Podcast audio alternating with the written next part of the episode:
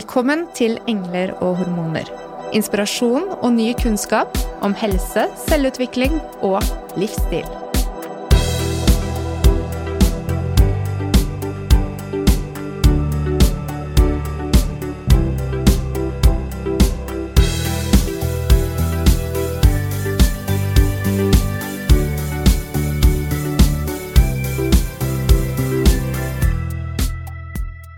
I dag skal du få møte to kvinner som holder hver sin master.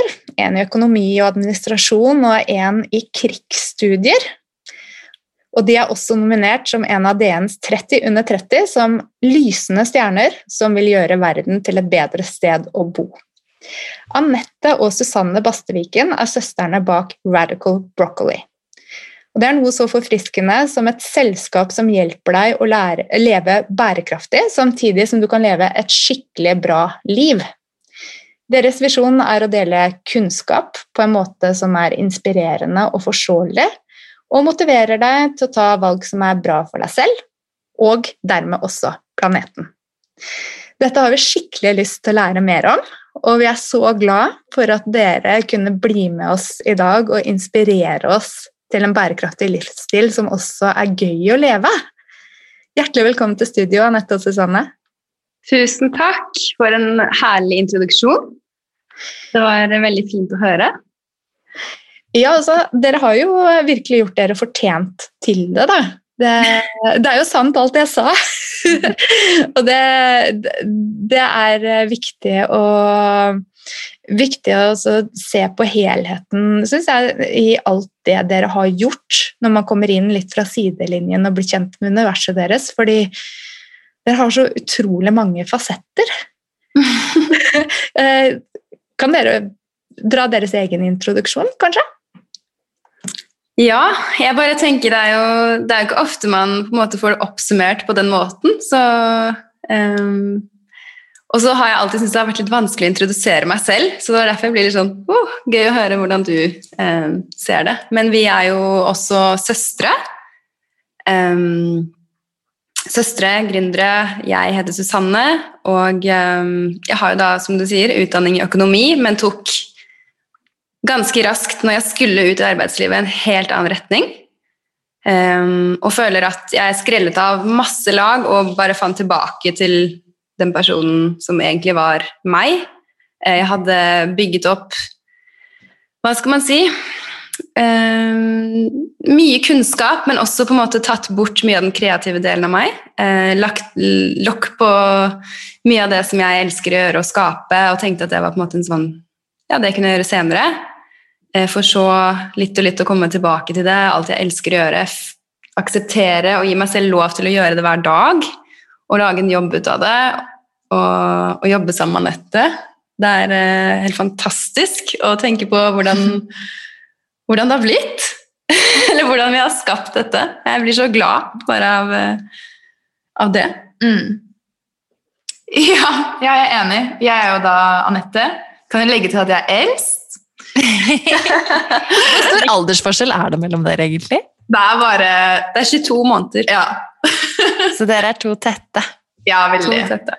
Ja. Um, vi har jo egentlig alltid vært ganske tett, um, bortsett fra kanskje noen år i ungdomstiden.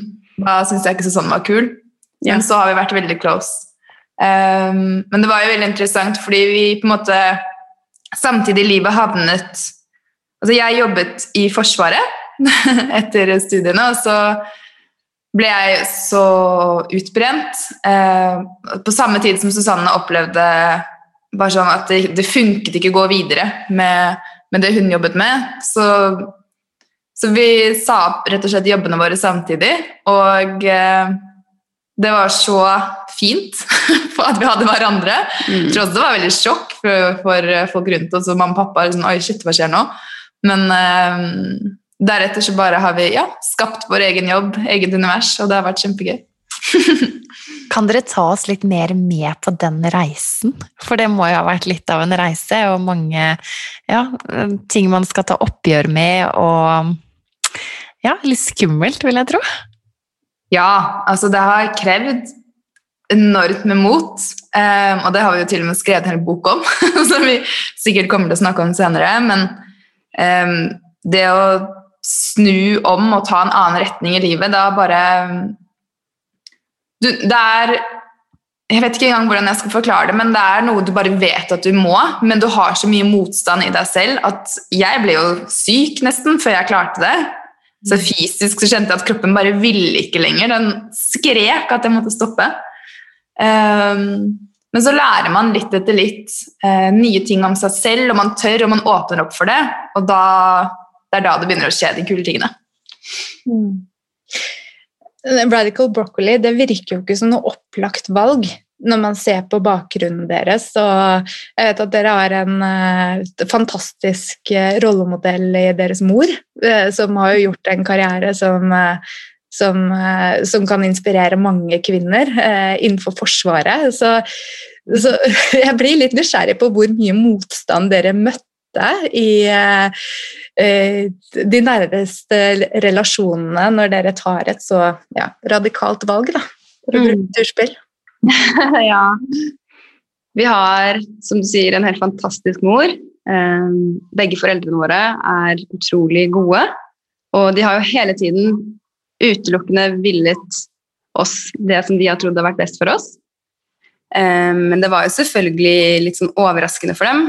De anbefalte f.eks. meg å gå videre med den og den masteren, som jeg da gjorde, som var et trygt valg. Um, basert på deres livserfaring, rett og slett. Og måten de har vokst opp og levd på. Og selvfølgelig så skjønner jeg at de ville mitt beste. Um, så det var, det var, ikke lett å skulle forklare hvorfor jeg ville det jeg ville. Og på en måte gi den grunn, for jeg hadde ikke noen plan. Det var bare sånn Nei, dette vil jeg ikke. Jeg vet ikke helt hva jeg vil, men jeg kan ikke gjøre det som jeg egentlig planla. Det er ikke meg. Um, så den uh, troen på meg selv kom sterkere gjennom, uh, rett og slett. Og eh, jeg vet at man ofte har lyst til å bukke under for foreldres um, anbefalinger. fordi det er sånn man har vokst opp. De har jo vært våre guider og våre veivisere hele veien. Til slutt så måtte jeg bare vokse opp og ta, ta et valg for meg selv. Eh, og etter det så har de bare vært så støttende. Altså, jeg tror mamma er vår største fan. Hun uh, følger med på alt, heier alltid. Så, hun leser alle bøkene, altså, og hun lever ut etter det vi anbefaler også, i sin jobb, altså i Nato. Mm. Så det er uh, å, å, se hvordan hun tar det til liv, det som vi snakker om, vi tre. Eh, jeg sier ikke at hun tar liksom, alt fra oss, men sånn ideene og tingene vi diskuterer, da, og leder fra hjertet f.eks. Altså, hun tar det ut i en, en, annen setting, og det er bare sånn Ja, det er veldig fint å ha det sammen, og ha en mor som man kan snakke om alt med.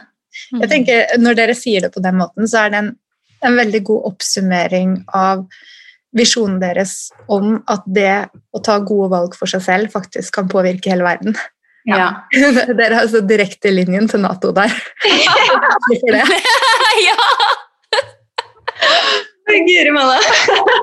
Jeg vet ikke om jeg skal ta på meg så mye, men jeg kan si én ting, og det er at jo bedre jeg får det med meg selv, jo bedre blir alle mine nære relasjoner.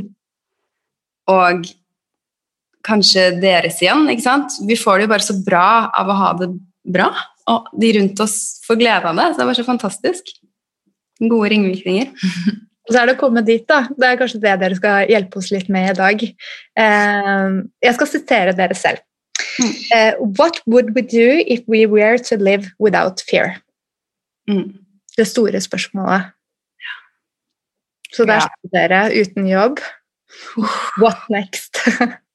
ja, det var uh, grusomt, faktisk. Det var uh, midt i min verste periode av panikkangst, rett og slett. Um, jeg var helt ute.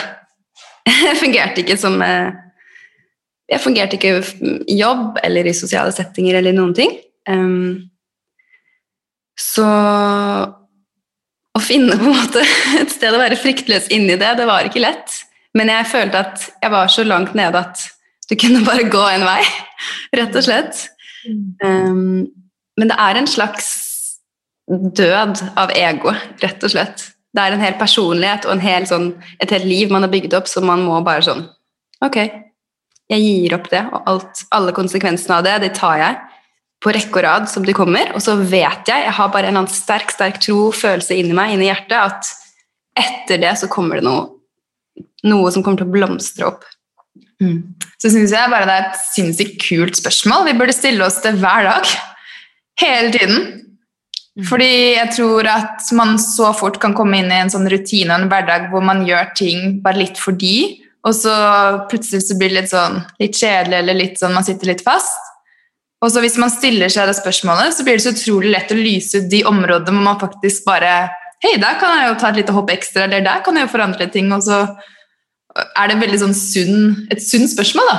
Mm. Og jeg tror aldri jeg hadde stilt meg det spørsmålet virkelig før um, den, den, tiden der. Det er jo da man ser hva man egentlig drømmer om også. Ja. Mm. For jo, Drømmene våre kan jo ofte være pakket ned under masse lag med fornuft og logikk.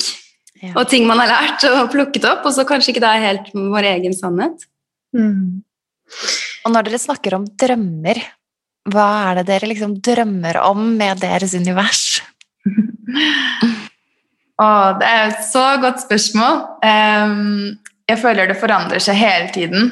Um, akkurat nå så er det veldig fokus på å virkelig endelig være på et sted hvor man forstår sin egen verdi.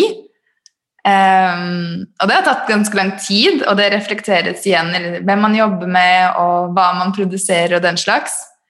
Um, så nå, akkurat nå er det litt, sånn, litt åpent på hva drømmene i fremtiden er. Um, mm. Men det er gjennomgående for oss, eller for meg, jeg kan jo bare snakke for meg, men det vi snakker mye om, er bare verdien i å kunne bruke egne erfaringer, følelser, dele de med andre, og vite at vi alle føler så like ting. Og så kan vi hjelpe hverandre så mye bare ved å være åpne, ærlige, tørre å være sårbare. Der kommer jo igjen mot inn. Og kan, vi kan forandre noen andres dag eller uke eller måned eller kanskje liv hvis vi altså går ordentlig nedi det. da. Så min drøm er jo bare å nå ut til flest mulig med best mulig energi, rett og slett. Um, og egne erfaringer og ting man har lært, for å hjelpe andre, rett og slett. Det er um, ting som dere sier som handler om å drømme og å ha frykt, og så å ha mot, og så å sette grenser.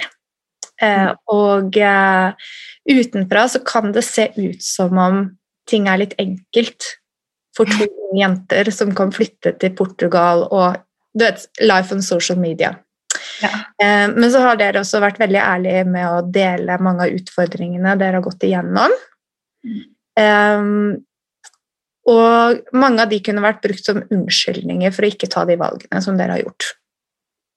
Uh, dere hadde veldig, begge solide utdannelser, bare der stopper det for mange. Uh, jeg har tre barn og er gift og kunne aldri flyttet til Portugal for å surfe på stranden. Eh, og den kontrasten, da, den, den, kan være litt fristende å bruke som en type unnskyldning for ikke å ta tak i de mulighetene man har. Skjønner dere hva jeg mener? At ja. Man, eh, å, å, finne det rommet for egne drømmer, det kan være utfordrende i en hverdag som, som man fyller med ting som som er en type plikt. Og så mm. også det siste året har vært fylt av en pandemi og konspirasjonsteorier og skepsis og sånn småaggresjon mellom små grupper som eh, bare kommer seg til uttrykk i tilfeldige situasjoner. Ja. Hvordan finner vi denne positiviteten? Hvordan starter vi å lete etter den positiviteten i uh, hverdagen vår? Mm. Den er helt ny. Det er et veldig godt eksempel med det siste året, eller de, ja, det siste året og i forhold til å reise eller å flytte. Mm. Bare det i seg selv har jo vært en sånn Det var liksom en sannhet i gåsetegn at det kan du ikke gjøre nå. Mm. og der startet vi, og så spurte vi hæ, er det egentlig sant? Eller er det helt omvendt at nå er den perfekte tiden å dra? Mm. Og så må man bare danne sin egen oppfatning istedenfor å ta inn all den informasjonen som ikke nødvendigvis gjelder for deg. Fordi vi skaper jo vår realitet ut fra hva vi tror på. Og um, der var valget veldig enkelt. Nei, jeg velger å ikke tro at det er riktig. Ok, bom, flyttet til Portugal. En måned senere, det var liksom, så, og så flower det. Så det er hele tiden sånne ting som jeg liker å ta ved roten. Er dette min sannhet, eller er det bare en sannhet som løker rundt der i luften? Mm. Som man plukker opp på en sånn kollektiv bevissthet. Um, så jeg har veldig troen på å ta sånne ting ordentlig ved roten, rett og slett. Mm. Ja, hvis man er helt ny altså jeg tror sånn For min del så har det handlet veldig mye om å lære å elske meg selv. For man kan ofte være veldig hard mot seg selv. Bare sånn 'Å, hvorfor gjør jeg det? Hvorfor er jeg der?' Og 'Jeg burde aldri havnet i den situasjonen.' Mm. Men istedenfor å snu på det og bare sånn man, man, kan, man kan virkelig få til ting når man heier på seg selv. Og det er den viktigste kjernen i alt man gjør, og det burde virkelig være det. Ja. Og så tenker jeg at eh, En annen ting er jo å ta det veldig sånn stegvis. Ja, Rett og slett, Hvis man, har, man føler det er et hav av ting, og egentlig alt i livet sitt er ting man ikke liker, og folk man ikke egentlig nødvendigvis liker, etc., så må man ta liksom én ting om gangen. Ok, Kanskje du kan velge favorittingen din å spise hele denne dagen, istedenfor å bare ta imot noe du egentlig ikke har lyst på. Og så er det en sånn trening på sånn, ok, hva er min magefølelse? Var det riktig? Var det riktig for meg? Eller bare føyer jeg meg etter andre? Så kan vi øve oss i de små, små valgene. Altså, hvilket sengetøy liker jeg? Liker jeg det eller det? Eh, Noen ringer meg på telefonen. Vil jeg egentlig ta den nå, eller passer det ikke meg? Kan jeg sette en grense her? Det er så små ting. mm. Og så blir vi så sinnssykt gode på det etter hvert. Og da kan vi ta de giganttingene. ikke sant? Skal jeg ta denne utdannelsen, eller vil jeg egentlig ikke ha en utdannelse? Vil jeg starte min egen bedrift fordi jeg tror på meg selv? og det er jo sånn, det er jo det som vi ofte gjør, som jeg gjorde hele tiden, og ofte fortsatt gjør, er at jeg leter etter um, noen andre rundt meg som skal fortelle meg om det var riktig eller ikke, og hva jeg burde gjøre eller ikke.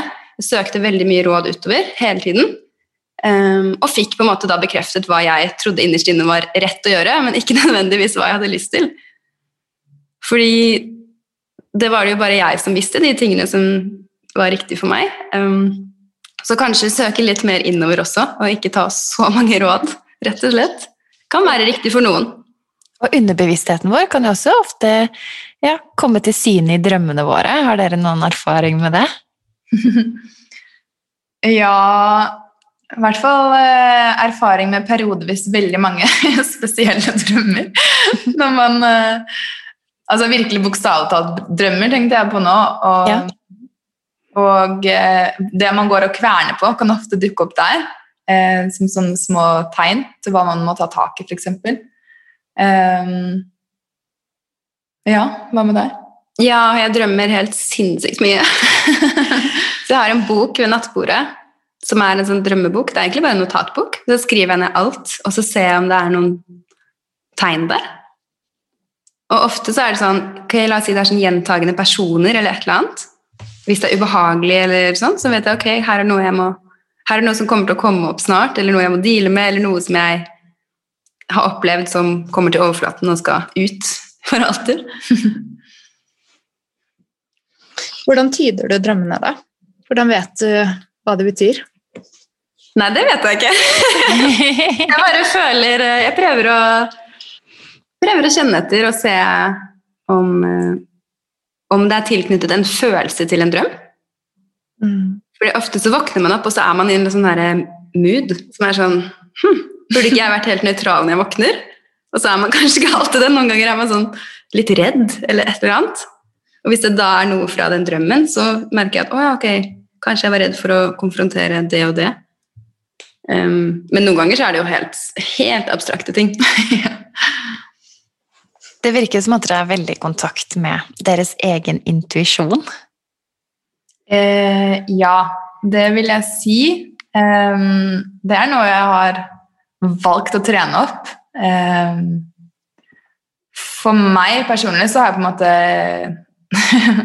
Jeg føler jeg alltid har hatt det, men jeg bare Mm. den av eh, en periode. En veldig kort periode. Og det var da jeg ble, da ble jeg dårlig. Eh, når jeg valgte å ikke høre på den. Så ja, jeg tror det er kjempeviktig, og spesielt for kvinner. Vi er så sinnssykt kraftfulle. Og eh, vi har så mye mystikk og intuisjon. Altså, vi, vi, kan så mye. Vi, vi, er jo ikke så lineære. Eh, så det å åpne for det, det er så gøy. Livet blir mye kulere. ja, jeg hørte nylig at kvinner um, er ment til å ta valgene våre fra hjertet. Og menn, eller personer med mer maskulin energi, da, for å si det sånn, der er det hjernen som styrer. Og hvis vi da prøver å styre fra hjernen, så bare så funker det ikke. Fordi det er ikke sånn vi er konstruert. Så det kan man jo velge å tolke det som man vil. Men jeg, i motsetning til Anette, eh, hadde null meninger og Altså, jeg følte ikke at jeg visste noen ting hva jeg ville for noen år siden. Og egentlig fra jeg var liten. Det er et eller annet som jeg undertrykte der.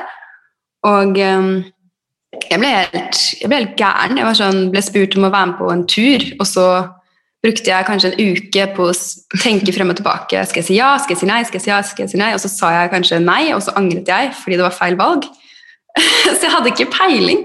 Så mm. virkelig en øvelsessak. Og mm. nå det, føles det veldig krystallklart hva som er ja og nei. Så det er moro at det er en slags muskel da, vi kan trene opp. Ja, ikke sant? Ja. Hva er det dere er i eh, Human Design, da? Hva er det som er deres uh... Jeg er generator. Ja, ikke sant? Så da skal du jo i utgangspunktet ha en uh, sterk magefølelse, at du bare har undertrykt den? Ja. Definitivt. Ja, jeg er prosjektor. Hmm. Hva er dere? Jeg er generator, jeg også. Ja. Jeg er manifesting generator. Ja. Okay. Mye, energi i denne Og litt balanse. ja. Men eh, hvordan eh, hvordan har dere følt det med intuisjon? Dere har jo mer generator-energi. Er det noe man, man, har høyt, på en måte? Har alltid hørt, eller er det noe dere har måttet trene opp? Jeg har alltid opplevd at den har vært der, egentlig. Eh, helt sånn ja, ubevisst. Og så kommer det i sånne rare på en måte situasjoner og vært veldig Jeg har ikke alltid vært like tro mot magefølelsen min, men den har alltid vært sterkt til stede. Ja. du da, Mona? Eh, samme som deg, Ingvild. Jeg har en uh, godt utviklet intuisjon. Uh, og det er også spennende å snakke med deg om det, Ingvild, fordi mm. vi kjenner ofte hva som er riktig valg, f.eks. For i forhold til podkasten. Uh, ja. Og det er um, En annen ting er at vi jobber som terapeuter. Vi møter så fantastisk mange flotte mennesker hver eneste dag. og jobber mye for å finne rytmen med både nervesystemet, kommunikasjon og hormonsystemet, vil jeg påstå, eh, til mm. pasientene våre for å støtte det å jobbe med fysiske mm, plager eller funksjonsnedsettelser. Eh, og der, eh, der er intuisjon en del av det. Og det er en type sans som også er til stede i berøring. Mm. Man jobber på den måten som vi gjør. Så, så, det er ulike måter å ta det inn på og bruke det, men når man finner rytmen, det tror jeg alle kan kjenne seg igjen i, eh, å ha rytme med en annen person eh, der du ikke står og stanger mot hverandre, men du faller inn i samme rytme, og du kan bevege deg fremover. Er, magien ligger der for vekst og trivsel. Ja, det er det som er så morsomt for oss også. Vi speiler hverandre hele tiden. På godt og vondt. På godt og vondt. Det er alltid sånn hvis én prøver å gjemme seg eller dra seg selv ned eller spille liksom liten, eh, ikke være tro mot seg selv, så er den andre med en gang sånn Dette må du face nå! mm. Så bra. ja. Det er ikke alltid man er like glad for det, men alltid etterpå. ja, det er akkurat det. Dere er jo ikke bare opptatt av det å gjøre bærekraftige valg for seg selv, men også bærekraftige valg for planeten vi bor på.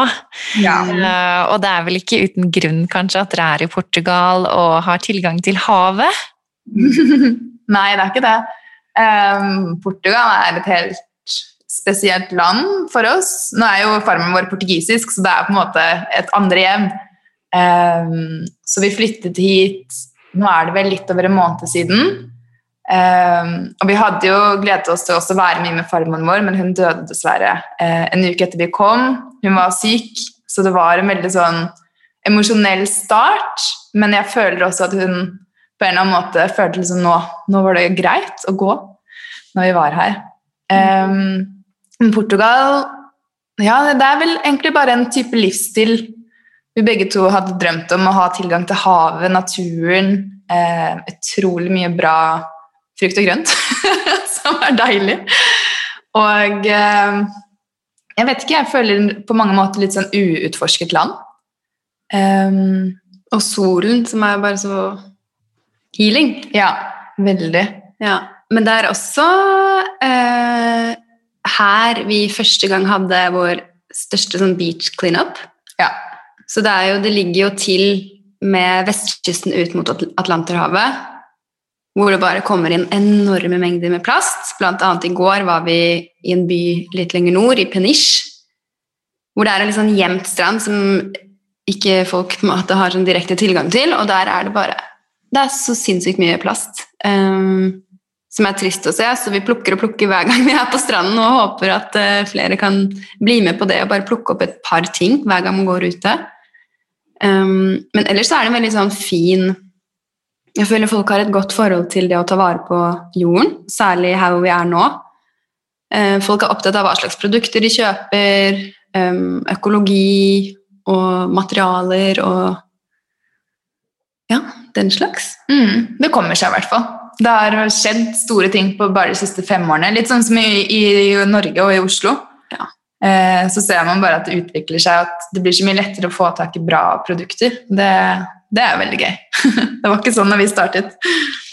Det er litt interessant, For å komme tilbake til frykt da, og pandemifrykt, så har dere faktisk også gjort en annen ting i pandemitiden. Dere har bygget selskapet deres til å bli ordentlig blomstrende i en tid der man kanskje skulle tro at det ikke var så lett. Ja, guri malla. Det er jo ganske ja, vilt. Um, vi startet med å ha ganske sånn Vi gikk en liten periode inn i frykt. Vi tenkte sånn Ok, nå er alle jobbene våre kansellert. Vi holdt på med ganske mye foredrag før. Um, på forskjellige arrangementer og skoler og snakket om bærekraftig livsstil. Ja, Og hadde mange eventer planlagt. Ja, det hadde vi også. Mm. Um, så vi hadde vel en fire uker på Nav vi, og så kjentes vi etter at bare Det føltes ikke helt riktig. Um, og ikke helt sant heller. Nei.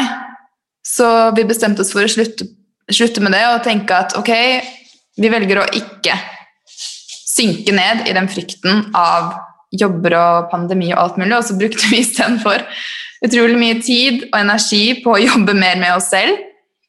Og det var et lite helvete. Måtte gjennom mange ting.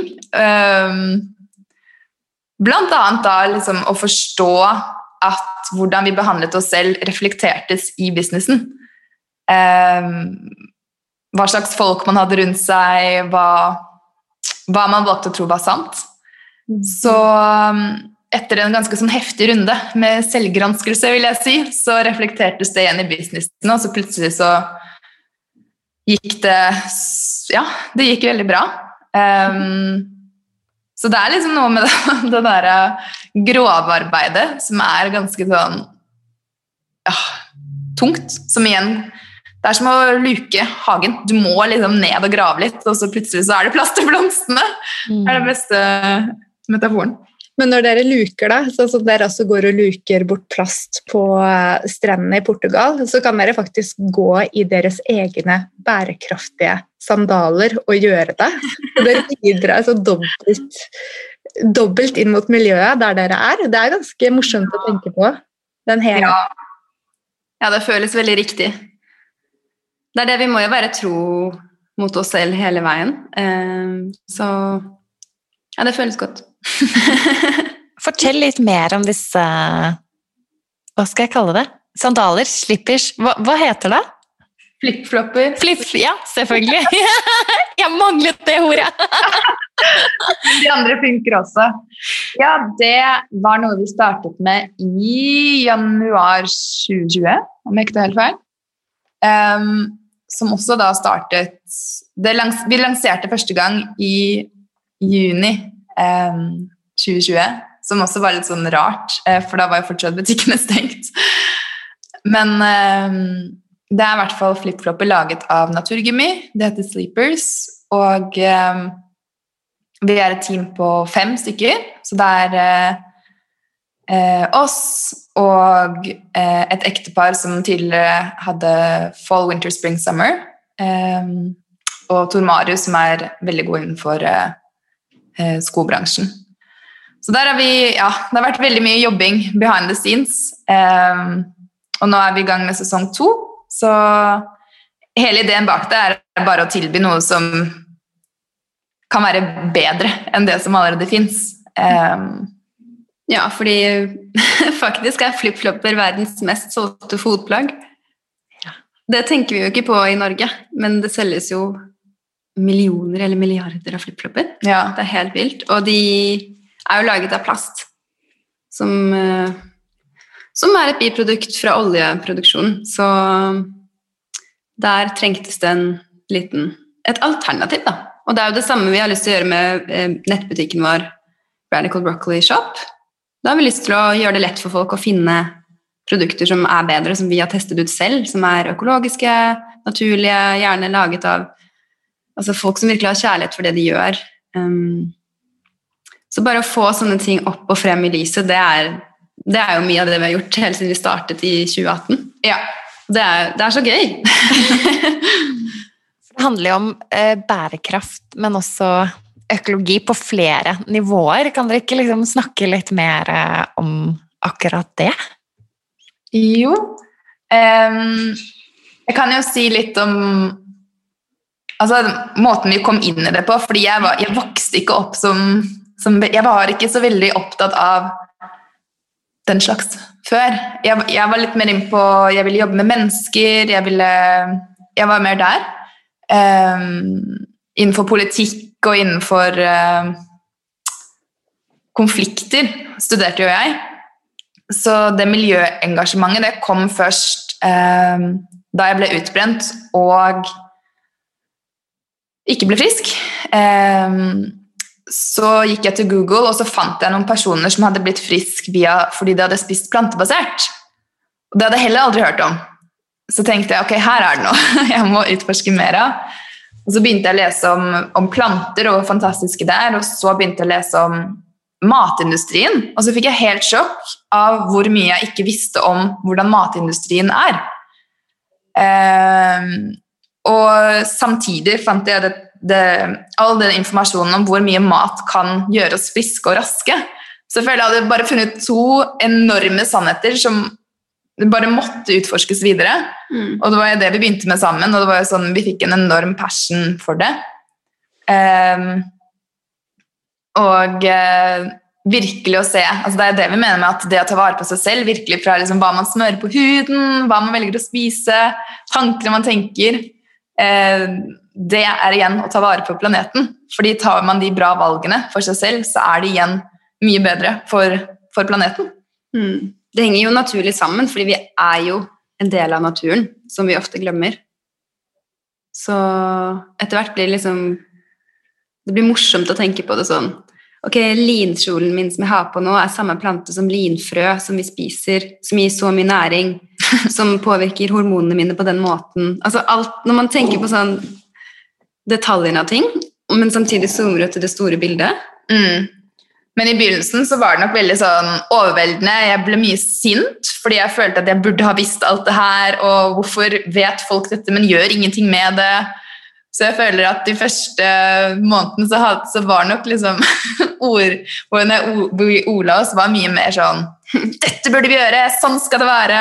Ja. Jeg husker også når hjemme så var det litt sånn Herregud, dere kan ikke fortsette å gjøre dette um, veldig aggressivt. Helt til at jeg kjente bare at det var veldig slitsomt å prøve å overtale mennesker til å gjøre noe annet enn ja. det de ville. Mm. Og ingen gjorde det heller. Ja. det, ble, det, var ingen som får lyst til å forandre seg da. Nei. hvis noen sier du må. Og det vet jeg med meg selv, og hvis noen prøver å fortelle meg hva jeg skal gjøre fra et sånt 'Dette skal du gjøre' med en sånn pekefinger, da har jeg lyst til å bare løpe den andre retningen. Mm. Så da er jeg veldig, veldig glad for at vi bare kjent at dette må jo gjøres fordi vi elsker det. Det er jo bare det vi skal fortsette med. Um, og så får folk heller bli inspirert, kanskje. Og Jeg plukker med seg det som passer. Vi er jo alle så forskjellige. Vi vil jo aldri si sånn 'alle må spise vegansk'. Eh, det passer jo ikke for alle kropper, og folk finner ut av det i sin egen takt. Kanskje man tester, kanskje man går tilbake. Igjen her, finne sin egen sannhet, kommer tilbake hver eneste gang. Altså, med kosthold, ikke minst. Så viktig. ja. Jeg likte så godt det dere sa i sted når dere nevnte Portugal og alle de deilige fruktene og grønnsakene som var der, fremfor å liksom bruke ord som sunne eller helsefremmende, eller at det bare er liksom deilig. Ja, de er så solmodne. De er sånn juicy. Sånn mangoer som bare Mangoene kommer jo ikke herfra, men eh, bananene fra Madeira, da, de er jo velkjente. Jeg vet ikke om de er det i Norge, men her er det på en måte det er sånn prime bananene. De kommer fra Madeira. De smaker så mye, og tenk at det gir oss lykkefølelse inni kroppen å spise noe som kommer rett ut fra naturen.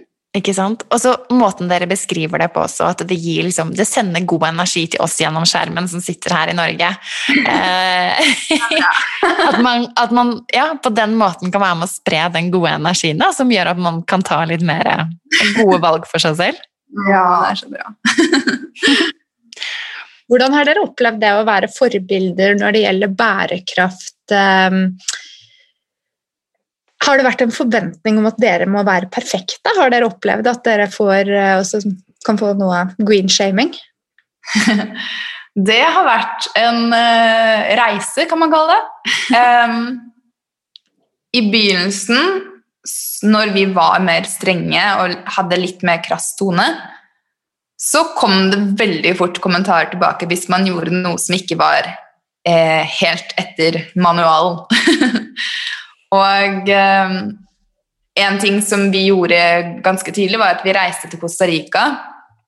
Eh, og det ble jo da, Det var ikke mange kommentarer, men det var liksom kanskje to eller tre da, som eh, var veldig bastante på at vi absolutt ikke kunne gjøre det, og samtidig snakke om det å være miljøvennlig. Ehm, og det husker jeg gikk så innpå meg. Det nesten ødela hele turen, og jeg var der det var, det var på en måte for meg ikke en sånn eh, Ikke det at det skal bety noe, det kunne fint vært en helt vanlig ferie, men jeg følte liksom at jeg skulle dit for å finne noen svar for meg selv. da. Det var virkelig en viktig reise. Um, så jeg tenkte sånn, ok, hvis vi skal fortsette med dette, så får vi bare Vi må holde oss i Norge, vi må ta toget. Vi, vi får Ja, ja, vi får ha det altså, Vi må få ha det kjipt, da. Ja, det var skikkelig sånn eh, følelse at man må stramme inn litt overalt. Eh, på en måte legge litt lokk på alt. Ha det litt kjipere, tone det litt ned. Og det var bare så feil energi. Men vi skjønte jo ikke det med en gang, selvfølgelig. Og alt som skjedde, alt som kom mot oss, var jo det som vi hadde inni oss, som bare ble speilet. Ja, ja. Alle de kommentarene, det var jo ting vi trodde på selv. Um, men det var superutfordrende. Rett og slett følte at vi måtte være helt perfekte, og at hvis noen så oss i en butikk som vi kanskje ikke engang hadde handlet i, men som vi var med noen i, som var feil, så var det krise. Altså, og da gikk det jo utover rett og slett å ha det bra. Det er ikke greit. Um, så vi satte en strek med det, og fant ut at vet du hva, vi må leve etter hva vi føler er riktig. Vi må ha rom til å være et helt menneske. Et menneske som absolutt ikke er perfekt. Jeg liker ikke engang at man skal si at noen ting er altså, Ingen mennesker er perfekte, selvfølgelig. Det er jo ikke et mål heller. Og det er jo ikke noe som heter det. Men eh, å ta bort den målestokken i det hele tatt, da. Og være sånn Ok, kanskje ikke jeg Jeg måtte åpne opp til og med sånn for at en dag kanskje jeg vil endre kostholdet mitt. Eh, altså At det skulle være greit. Ok, hvis jeg har lyst til å handle der og der, så må det være greit. Altså Man måtte åpne opp alle luker. Mm. Og så falt det naturlig på plass igjen hva som egentlig var um, hva jeg likte. Og det er igjen de samme tingene. Jeg elsker plantebasert kosthold. Jeg elsker å kjøpe produkter som er etisk produsert. Jeg elsker også å reise. Um, og da da står jeg, står jeg ved det, rett og slett. Og jeg har ikke lyst til å ha noen pekefinger utad heller, så det sluttet vi med med en gang. Mm.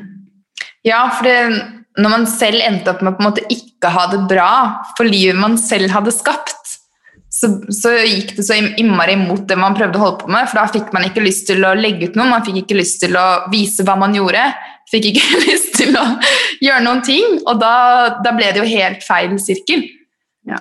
Um, så det som skjedde etter at vi på en måte godtok oss selv mer, egentlig, var det vi gjorde. Mm. Så kjente vi at det ble så mye mer gøy igjen, og det reflekterte også i kommunikasjonen vi har med våre følgere, f.eks. Ja. Da er det mer sånn Se hva jeg har gjort i dag! Det her er dritkult! Og det er jo der man vil heie på hverandre. Ja, og det er jo flest mennesker i verden som prøver å gjøre noen, altså noen få flere bærekraftige valg enn det er av mennesker som lever helt perfekt miljøvennlig, i gåstegn. Um, så det at vi kan heller alle være litt sånn å, vi prøver og feiler, vi prøver og feiler og finner ut på veien og snakker om det, det tror jeg er mye mer inspirerende. At man kan gjøre en større forskjell rett og slett overall, globalt, um, enn å prøve å snevre seg inn og på en måte lage en sånn liten, et lite miljø av kun miljøvennlige, miljøvennlige mennesker. Men vi trenger folk i alle ender av skalaen, rett og slett. I boken deres så skriver dere om det å ta valg, og det kan jo koke ned til hvert enkelt valg i livet. Eh, at det finnes et valg eh, som er riktig, og et som er autentisk. Mm. Eh, og det Det kan jo skape stress for planeten å ikke gjøre det riktige, eh, men eh, det kan skape mindre stress for enkeltmennesket å velge det som er autentisk. Som, hva er bærekraft eh, hvis ikke vi tenker også på hvordan vi påvirker stresset i oss selv, tenker jeg da. Hva tenker du på som er autentisk, men ikke bra for planeten, da? Eksempel eh, hvis eh, man eh, har lyst til å reise til Portugal, og det er et autentisk valg for deg som gjør at du har det bedre, så vil det være bedre for din helse, og det vil påvirke nervesystemet og hormonsystemet ditt positivt. Mm. Mens valget om å sette seg på flyet og ned og ta den reisen kanskje ikke er det riktige valget bærekraftig for planeten? Mm. Ja, det kommer an på hvordan man ser det helhetlig. Eh, jeg tror i hvert fall i vår posisjon så har det å reise ned hit det åpner opp en helt ny verden og en måte å spre inspirasjon og informasjon på til flere mennesker. Eh, og nå bredere ut. Og jeg tror altså, alle mennesker ved å ta bedre valg for seg selv. De vil bare skinne utover og utover og utover. utover. Svære ringvirkninger. Mye mer enn om vi skal være strenge mot oss selv og gå imot det vi egentlig ønsker fordi det er gåstegn riktig. Mm. Og så tror jeg det handler mye om sånn Hva er intensjonen min? F.eks. hvis jeg hadde dratt hit, eller dratt på en sånn to ukers fyllaferie, da, for å ta kontrasten, mm. så vet jeg ikke om jeg hadde følt Altså, jeg føler Den intensjonen du har bak, er så viktig.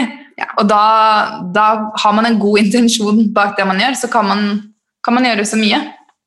Eh, jeg er så enig i det også. Jeg tror det er mange som lar være å ta de autentiske valgene for seg selv, fordi de skal prøve å gjøre noe som er riktig. Satt mm. mm. standarder. Da. Eh, eh, og at man kan ha dårlig samvittighet for å gjøre feil valg i enkeltsituasjoner overfor miljøet. men i vår jobb eh, når vi møter mennesker som sliter med helseproblemer, da, kanskje stress og angst og tarmproblemer og alt dette som kan komme ut ifra av at uh, man uh, påfører seg selv stress ved å ikke velge autentisk, mm. så blir ikke det bærekraftig heller. Og, og det, det med å være tro mot sin egen bærekraft er kanskje nødvendig for å klare å prestere Mm. Klare å dele det som du er ment å bidra med i verden. Ja, og jeg får nesten helt gåsehud, for det er nettopp det. Og jeg kan kjenne meg veldig igjen i det, fordi det som skjedde da jeg var ferdig med studiene kjente på en skikkelig sånn utbrent knekk Altså hele kroppen, virkelig da, hormonene, magesystem, alt, ingenting fungerte. Og så hadde jeg bare en sånn følelse at det var dette her jeg trengte for å klare å finne ut av denne floken jeg var i.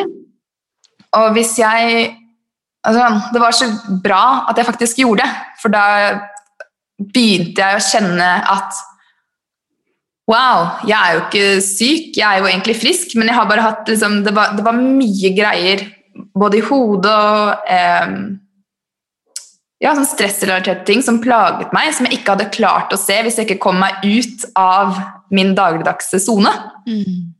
Um, så det er nettopp som du sier, det å ta gode valg for sin indre bærekraft, det har jo for meg i hvert fall gjort at jeg har klart å kunne nå dele og forhåpentligvis kanskje hjelpe andre mennesker. Ja. Um, hvis jeg hadde blitt, så vet jeg på en måte ikke hvilken retning det hadde gått. da. Nei, og det er det, og hva er vi uten helsen vår da, og velværen vår? Vi klarer jo ikke å gjøre noe godt for noen, rett og slett. Ikke for familien vår. Vi trenger ikke å engang ha en sosiale mediekonto eller en podkast eller noen ting for å vite at vi er også her for andre mennesker, og hvis ikke vi tar godt vare på oss selv, så klarer vi ikke å gi det. Um, og det Ja, jeg får en litt sånn sorg av å tenke på det. At man skal prøve å på en måte Hva heter det? Forsake velvære for å gjøre noe som er riktig, og så ender det opp med å bli overhodet ikke riktig for verken deg eller noen rundt deg. Illusjon av å Ja. strekke Og strikker, pushe på. Ja. Det, det, det kan hende det bare er en illusjon at du tror andre forventer at du skal leve sånn og sånn, og så er det ingen som forventer engang. Alle ønsker bare at du lever ditt beste liv. Kloke ord! Tusen hjertelig takk. Det er veldig inspirerende. Og det er eh, også så spennende å se på hvordan dere legger eh, mye av personligheten deres og disse tankene inn i eh, businessen deres. Mm. Altså, hvor sårbart er det egentlig? Veldig. Det er absolutt 100% sårbart. Men det er der gullet ligger også. Og det betyr ikke at vi skal brette ut om alle våre indre følelser offentlig. Det gjør vi ikke heller. Det er en veldig bevisst eh, grense. Men vi vet også når noe er nødt til å deles. Eh, for å hjelpe andre, for å ikke, Ja, jeg vet ikke om det engang er for å hjelpe andre, men hvordan skal man si det? Noen, ja, noen ganger så snakker man bare ikke om ting fordi man har en viss sånn skam over det hele. Men bare ved å si det høyt, så forsvinner det. Så er det ikke så farlig lenger. Og så er det 100 meldinger fra folk som føler akkurat det samme. Um, så det er på den sårbare biten Det er en utfordring hver dag, det, rett og slett. Eh, noe som man må ta del i hoppet. Sånn Ok, kom igjen, gjør det! Ja. Og så føles det så godt etterpå. Um, men ja, jeg tror eh, på at businessen vår 100% speiler oss. vår energi, våre begrensninger, um, vår vekst, hva vi tror på om penger, hva vi tror på om muligheter i verden.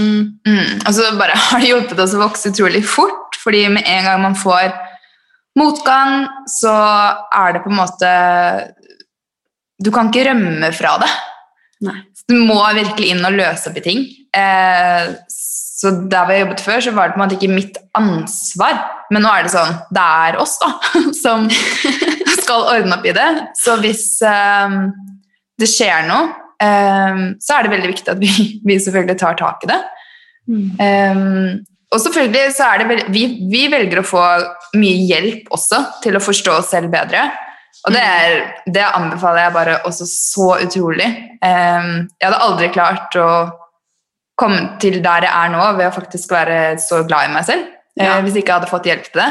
Ja, vi har investert i kjempegode coacher og hva skal man kalle det, terapeuter og folk som jobber med um, begrensende beliefs, og som ser deg på en annen måte enn man klarer å gjøre selv. Mm. Så det har vært helt gull. Så fra å være begrensende i tanker om dere selv, så har dere begynt å sette grenser for hva andre får lov til å legge inn i dere. Ja, rett og slett. Ja, jeg tror det er sånn alle. Når man bare virkelig ser seg i speilet og forstår eh, sin egen egenverdi. Og det, det, det Jeg tror bare det er noe kanskje alle må igjennom. At man mister litt, og så finner man, og så plutselig forstår man hvor utrolig stor den er, og at vi alle er jo her for å gjøre forskjellige ting. Um, Ja, det er viktig å passe på seg selv. Det er ingen som kommer til å fortelle deg hvor mye du er verdt, eller hvor verdifull du er, bare ved å eksistere som et menneske. bare ved at alle vi er her samtidig nå, det er jo ganske unikt. Og noe vi må verdsette og vite at ok, jeg har noe jeg skal her. Det er et eller annet sjelen min og den kroppen her er her nå, akkurat i denne livstiden, med akkurat disse menneskene rundt meg, akkurat disse mulighetene. Hva er det jeg skal? Kan jeg utforske det mer? Og da blir livet veldig spennende. Ja, det er noe magisk i akkurat det der. I dag så hadde vi ambisjonen om å komme nesten igjennom boken deres. Eh, Jeg må si jeg selv har gjort det. Jeg har lest den. Eh, og i dag har vi bare touchet innom noen av de små punktene som dere utdyper så fantastisk med personlige eksempler og tankefrø for å jobbe med egenvekst. vekst. så i episodebeskrivelsen så linker vi til deres bok og deres nettside. Eh, vi er søsterpodkaster på moderne media, så dere finner også Radical i den podkast-serveren som du pleier å bruke. Og um, tusen takk, kjære Anette og Susanne, for at dere valgte å komme til oss. Åh, Tusen takk. Tusen takk for at vi fikk komme, og for den fantastiske jobben dere gjør for så mange. Det er jo en så viktig del av bærekraft å hjelpe folk med god helse, så Ja. takk. ja, hva skulle vi gjort uten sånne som dere, tenker jeg. Tusen takk. Vi jobber sammen. Eh, Kvinnehelse er også en del av FNs bærekraftsmål. Så, eh, så dette er viktig å ta tak i også. Eh, Så viktig. Mm. Tusen takk, dere. Og kjære lyttere, gå og følg Radical Broccoli. Om du bruker litt tid der inne og tar med deg noen små inspirasjonsbiter til hvordan du kan bidra til å gjøre din verden og vår verden til et bedre sted, da har du hjulpet dem med å nå deres visjon. Åh. Tusen takk. Vi høres! Vi høres.